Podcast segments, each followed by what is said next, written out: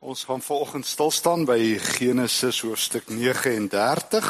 Genesis 39, een van die bekende verhale, miskien van die meer bekende verhale in die Bybel. En ehm um, ek gaan vir my 'n uh, stoel gryp en op 'n stoel sit. So verskoon as ek vanoggend sit, maar ek het so 'n bietjie medikasie wat uh teen my werk wat uh, my tendons aanval en ek het 'n knie waarop ek nie mag staan nie. So ek gaan vanoggend die sit ding doen. Ek gaan vanoggend sit en preek. So as julle met my geduld gaan hê want ek sien hier's 'n lekker hoë stoel, dan kan ek lekker daarop sit. Dan dan voel ons dan ten minste en julle behoort te sê, maar dan is ons daarom almal op dieselfde vlak. In die Bybelse wêreld het die die ouens wat ge, ge, uh, onderrig het in elk geval gesit. So uh, dan is ons daarom nou op dieselfde. Uh, ons gaan vanoggend stil staan by Genesis hoofstuk 39 en uh, by die bekende Josefs verhaal. Uh, kom ons sit net dan bid ons saam. Here God, ons is vir U baie dankbaar dat ons U kan loof met ons stemme. Ons is vir U baie dankbaar dat ons kan sing en dat ons op so 'n manier kan sing dat dit ook U hart raak.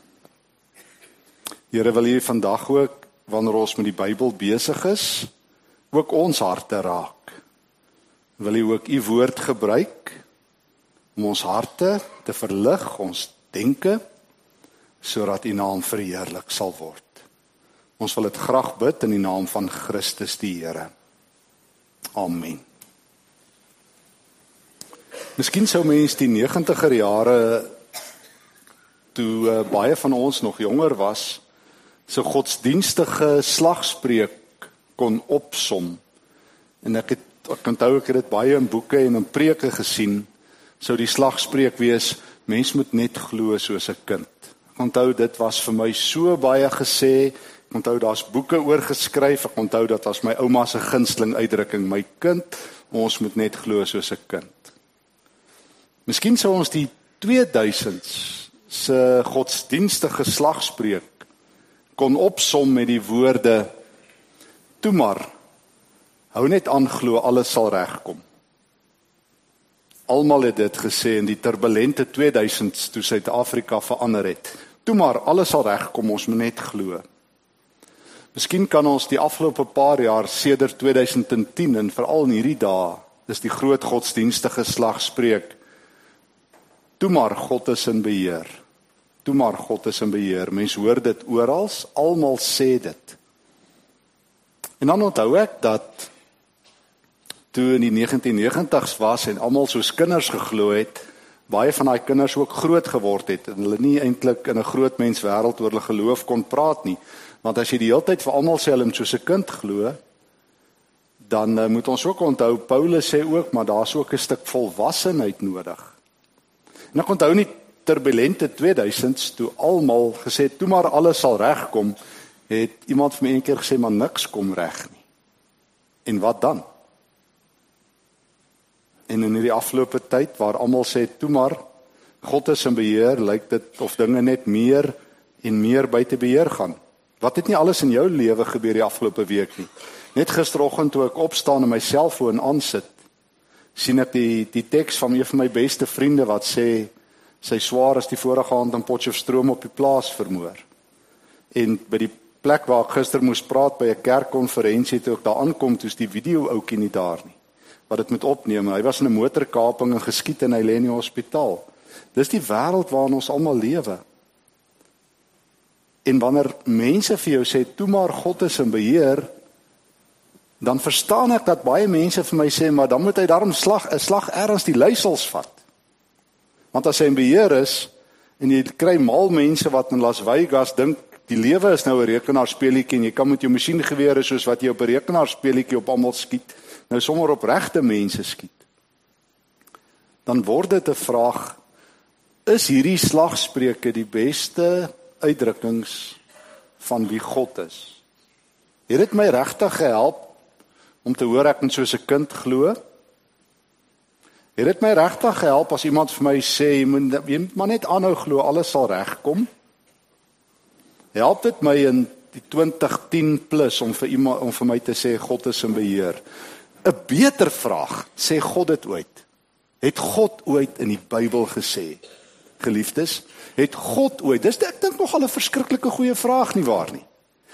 Sê God ooit? Toe maar julle julle net soos 'n kind glo. Het God dit ooit gesê? Nee, ons weet mos Jesus het gesê jy moet 'n kind word. Jesus het nooit gesê jy moet soos 'n kind glo nie. Nooit.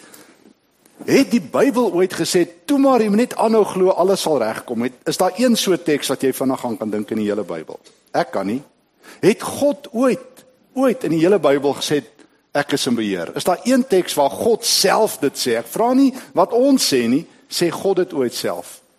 Jy sal bly wees en verbaas wees. Daar's nie een teks van Genesis tot Openbaring waar God as hy opdaag sê, "Toe maar manne, ek is in beheer." God sê dit nooit. Hy sê dit nooit. Nou is my vraag en ek dink dis ook 'n goeie vraag om te vra. Nou vir wat sê ons dit dan? Vir wat het ons vir mekaar hierdie hierdie hierdie een lyn troosie gegee, hierdie stroopie gegee, hierdie plaseboetjie gegee? Ag my, jy moet net soos 'n kind glo. Toe maar alles sal regkom. Ag, jy hoef nie te bekommer nie, God is in beheer. As die lewende God nie een van hierdie uitdrukkings ooit self gebruik nie, is ons 'n bietjie in die moeilikheid. Trouwens, ek waag dit om nou die dag net soos ek dit vanoggend waag om oor hierdie goeters te praat, erns uit 'n ander hoek uit hier oor te preek en 'n ou kom na my toe en hy sê vir my, "Ja, maar jy's nou besig om die Bybel te verdraai." Ek sê, "Meneer, jy kan my Bybel kry as God ooit een van hierdie dinge gesê het." So die vraag wat ons ver oggend vir mekaar vra. Hoe praat God as God oor homself praat? 'n Ander vraag wat daarmee aansluit en dit bring ons na Genesis 39 toe geliefdes. Is God in Egipte?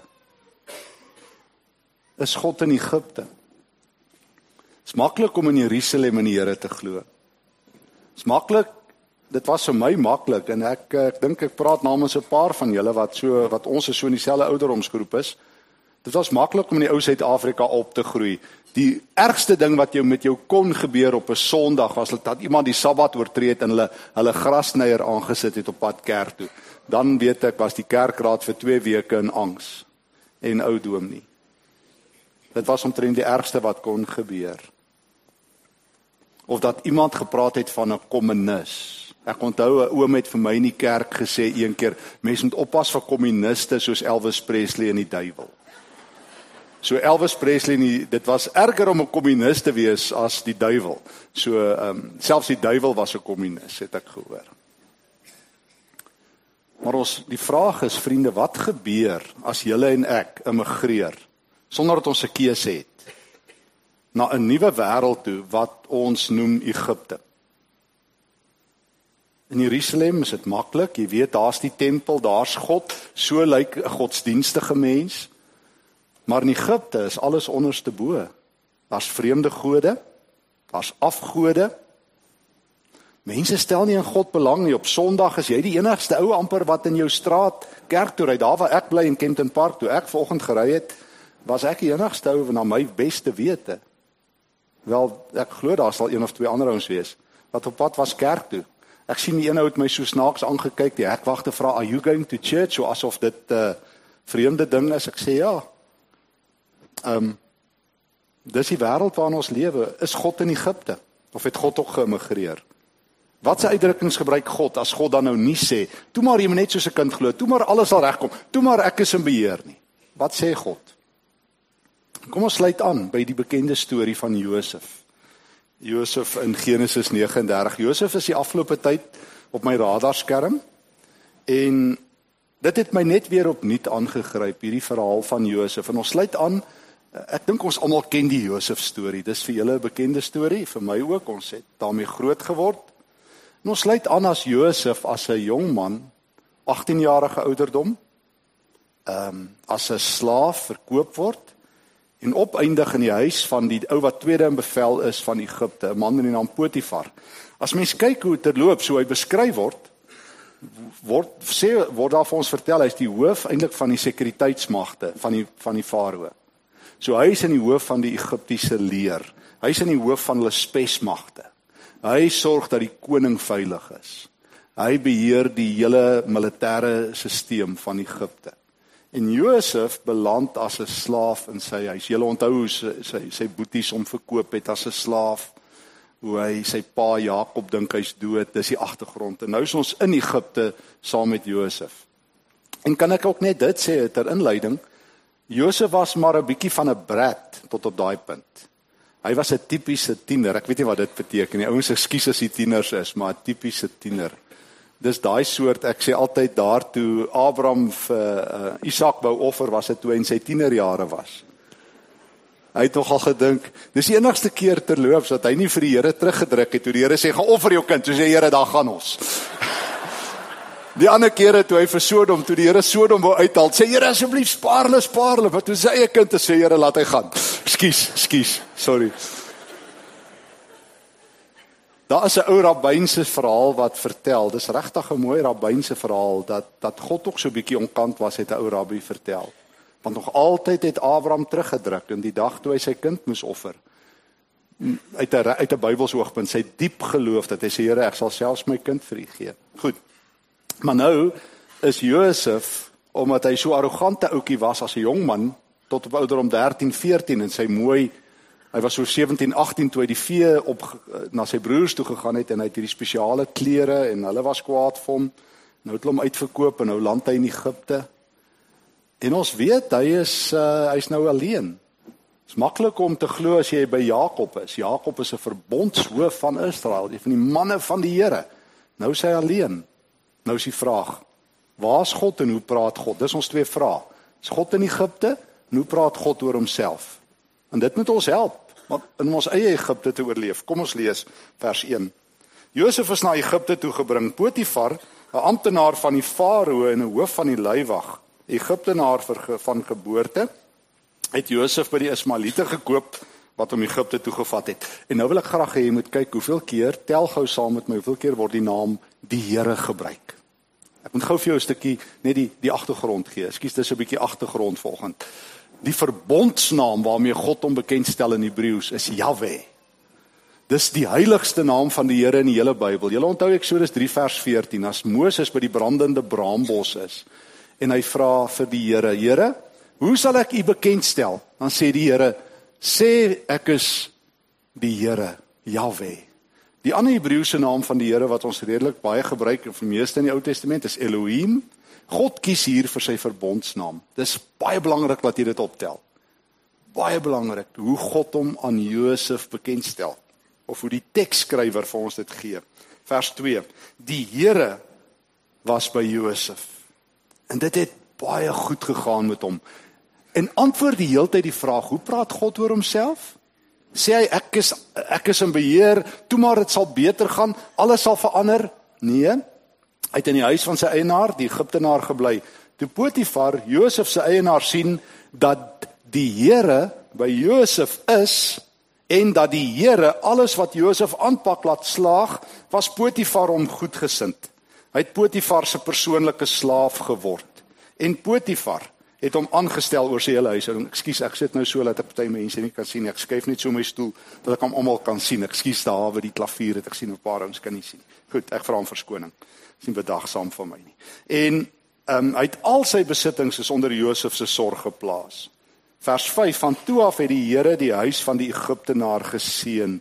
Dit was oor Josef dat die Here dit gedoen het. Die seën van die Here het gerus op al Potifar se besittings, die in sy huis en die in sy in die veld. Ons lees nou 'n stukkie verder. Het jy gesien hoeveel keer word verwys na die Here? Is God in Egipte? Ja, nog voordat um, ons dink altyd God is net hy die Israeliete uit Egipte gelei. Raai wat? God daag in Egipte op. Hoeveel gelowiges dink julle is op daai oomblik in Egipte? 1. Stem julle saam? 1. Sy naam is Josef. Nou as jy dink vandag aan Egipte, As jy dink aan die ou Egipte, hoe dit gelyk, wat sien jy eerste? Piramides? Hierdie indrukwekkende godsdiens van die van die Egiptenare, Horus, Isis, Osiris, jy kan al daai gode van hulle gaan Google. Dit was 'n super indrukwekkende godsdiens met al hulle spesiale gode, hulle valke en hulle skerpbeetles en al daai goeters. En nou in hierdie wêreld is God aanwesig. En hoor hoe stel God homself bekend? die Here is by Josef. Hoe praat God oor homself? Hy sê nie toe maar sal beter gaan nie. Hy sê nie toe maar um, ek is in beheer nie, hy sê ek is by jou. Net terloops. O ja, God is in beheer. As jy 'n linkerbrein het en jy wil dit graag weet, sê ek vir jou, ja, God is in beheer. Maar dit praat 'n bietjie met jou kop. God praat eers met met die hart. Wanneer wanneer ons vir mekaar sê, "Toe maar jy sal later verstaan" of die gewilde Engelse uitdrukking everything happens for a reason, praat jy met mense se kop. God kies om met mense se harte te praat. Wanneer God sê ek is by jou, praat hy met jou hart. En dis iets wat die kerk nog nooit verstaan het nie. Toe maar jy sal later verstaan, toe maar alles sal beter gaan. Jy moet net soos 'n kind glo. Ehm um, alles, daar's 'n doel met alles. Is alles rasionele taal. God kies relasionele taal. En hoor mooi, as jy hierdie punt nie verstaan nie, gaan jy dit nie in Egipte maak nie. Want ons bly in Egipte. Kan ek dit weer sê?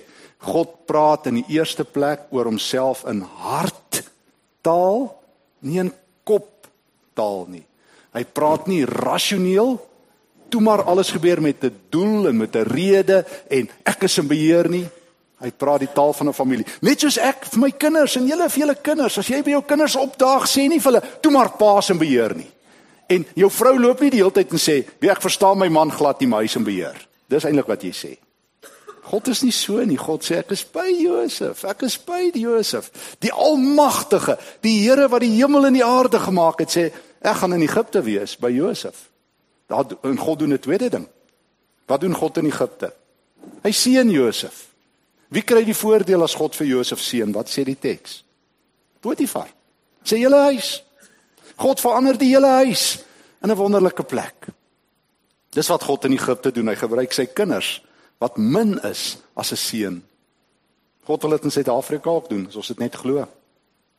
God gebruik sy kinders as 'n seun. Terwyl almal sê, "Waar is die Here? Toe maar God se beheer. Nee, dit sal eendag beter gaan. Ons net nog 'n bid hier hou en ons net nog dit doen," sê God. "Ek is by julle. Ek is by Josef. En ek gaan jou seën." En ek gaan en mense gaan sien jou lewe is anders. Dat al daai dooie gode van Egipte beteken niks. Toe seën God die huis van Potifar. Nou gebeur daar 'n slegte episode wat ons ook ken. Tannie Potifar kan nie haar hande van hierdie mooi jong man afhou nie en ons ken nou die ding sy probeer hom nou vir tea nooi en al daai goeters en al daai goed misluk. En uiteindelik beskuldig sy Josef dat hy haar probeer verlei het en ons ken die storie Josef word onregverdig in die tronk gegooi. Dis onregverdig. Jy moet die teks lees, hoofstuk 40 gaan nie dit nou doen nie, ons sal in die Bybel blits gou daaroor praat. Josef sit vanaf hy 18 is totdat hy 30 is in die tronk. Weet jy hoe lank is dit? Maak gou 'n sommetjie. Hoe lank sit Josef onregverdig in die tronk? Ek sou daarom nou gesê het, Here, waar is U? Dan weet ek sou die ouens vir my 'n kaartjie gestuur het. Toe maar alles sal regkom. Alles gebeur met 'n doel. Toe maar Josef God se beheer. Niks daarvan nie. God praat nie so nie. En Josef het nie so teologie nie. Daarom kan Josef dit in die tronk in Egipte maak. Want is onregverdig. Net so Suid-Afrika onregverdig is. Ek skree en ek huil dat my vriend wat sy swaar gisterand vermoor het, 6 weke gelede moes ek saam met daai vriend staan en sy eie kind begrawe. Nou moet hy sy swaar begrawe wat vermoor is. Ek huil, maar ek sê vir hom: Dion, God is in Egipte. Die Here is by jou. Nie jy sal later verstaan as 'n doel met alles en wat moet gebeur sal gebeur nie. Die Here is ook in Egipte. Die Here is ook in die tronk in Egipte. En daarom lees ek vers 19 van Genesis 39. Toe Josef se eienaar by sy vrou hoor wat sy slaaf aan haar sou gedoen het, is 'n leuen. Was hy kwaad en het vir Josef gevat en in die tronk gegooi waar die mense was wat deur die koning gevange gehou word. Dit is C-Max. Dis die gevaarlikste tronk in Egipte. Jy's dan op wat s'ie wat s'ie wat s'ie Afrikaanse woord? Ek weet nie wat s'ie Afrikaanse woord hier is op death row.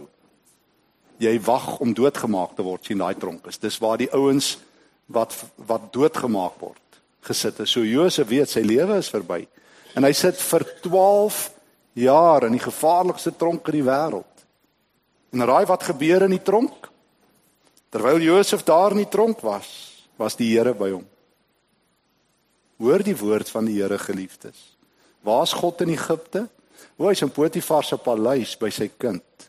En as sy kind skuif van 'n paleis na 'n tronk, waar's God? Toe was die Here by hom. Nie hierdie sweet nothings ekskuus, hierdie suikerklontjies soos die Hollanders sou sê van ag, ag jy moet nou maar net soos 'n kind glo en toe maar alles sal regkom en en ja, toe maar God is in beheer. Nee, God sê ek is by my mense in Egipte. Hoe gaan dit met hulle beter? Nee, maar as ek by hulle is en hulle verstaan dit, gaan dit met hulle so goed, hulle kan niks oorkom daarvan. Hoor mooi. Jy moet jou oë oopmaak en weet God is by jou. En hou op om hierdie 1990s en 2000 en 2010 se slagspreuke oor God te gebruik. Gebruik God se eie taal. En hy het Josef sy troue liefde laat ondervind in 'n tronk. Ek weet hier's ouens wat weet hoe tronke is. 'n Tronk? God se troue liefde? Ons ken 'n ander groot tronkbewoner nie waar nie. Ons ken iemand anders wat gereeld sy tyd in tronke deurgebring het in die Nuwe Testament, die apostel Paulus. Jy onthou, was baie in die tronk, ten minste 3 keer. Hy skryf meeste van sy mooiste briewe uit tronke uit. Hy gaan sit nie by 'n retreat of by 'n mooi hotel waar 'n gemeentelid vir hom gesponsor het, dan sit hy by die see en dan skryf hy mooi briewe nie. Paulus skryf sy Efesiërbrief, sy Filippense brief, sy Kolossense brief, skryf hy terwyl hy in haglike tronke sit. Hy sê as hy die Filippense brief skryf, daar's 'n doodsvonnis oor my. Hy skryf sy mooiste briewe. Hy skryf hy skryf vir die gemeente in Efesiërs. Ouens, julle moenie oor my huil as ek in die tronk is nie. Hy vertel vir Timoteus, Timoteus, jy moet een ding weet, jy moet kyk. Paulus se hande is in boeye, maar die evangelie is nie in boeye nie. Ek beleef God in die tronk. Hy skryf vir Filemon, O ek het jou tronk, ek het jou slaaf Onesimus hier na die Here toe gelei. En weet jy, ek moet hom eintlik hier in die tronk hou want weet hy sien die Here hier beter as wat hy die Here daar by jou sien daar in veiligheid. Maar ek stuur hom nou maar terug na jou toe, maar eintlik is die tronk die plek waar die Here sy liefde bewys. Maak jou oë oop. God is in Egipte, hy's in Pretoria. Hy's by jou lewe. Hy sal jou se troue liefde laat ervaar. Die vraag is nie of God in beheer is nie. Die vraag is of jy God se liefde ervaar. Die vraag wat Paulus antwoord in in in Romeine 8 is nie hoekom gebeur al hierdie slegte dinge nie. Hy sê kan enigiets in hierdie lewe ons skei van die liefde van God wat daar is in Christus Jesus. Kan ook die moord kan ook die dood van my vriend se kind kan dit omskei van die liefde? Dan sê ek vir hom nee. Vers 22 het vir Josef toe die tronkbewaarder sien dat die Here by hom is, het hy vir Josef in beheer geplaas van al die gevangenes. Josef was vir alles verantwoordelik. En die tronkbewaarder het nie meer vers 23 na iets omgesien nie. Alles was in Josef se hande want die Here was by Josef. Wat Josef ook al aangepak het, het die Here laat slag gaan tel nou by die huis hoeveel keer word die naam die Here gebruik en oor en oor die refrein die Here is by Josef. Hoe praat God oor God? God praat oor God deur te sê ek is by jou. Wat is Jesus se laaste woorde op aarde? Onthou jy? Toe maar ouens, ek is in beheer.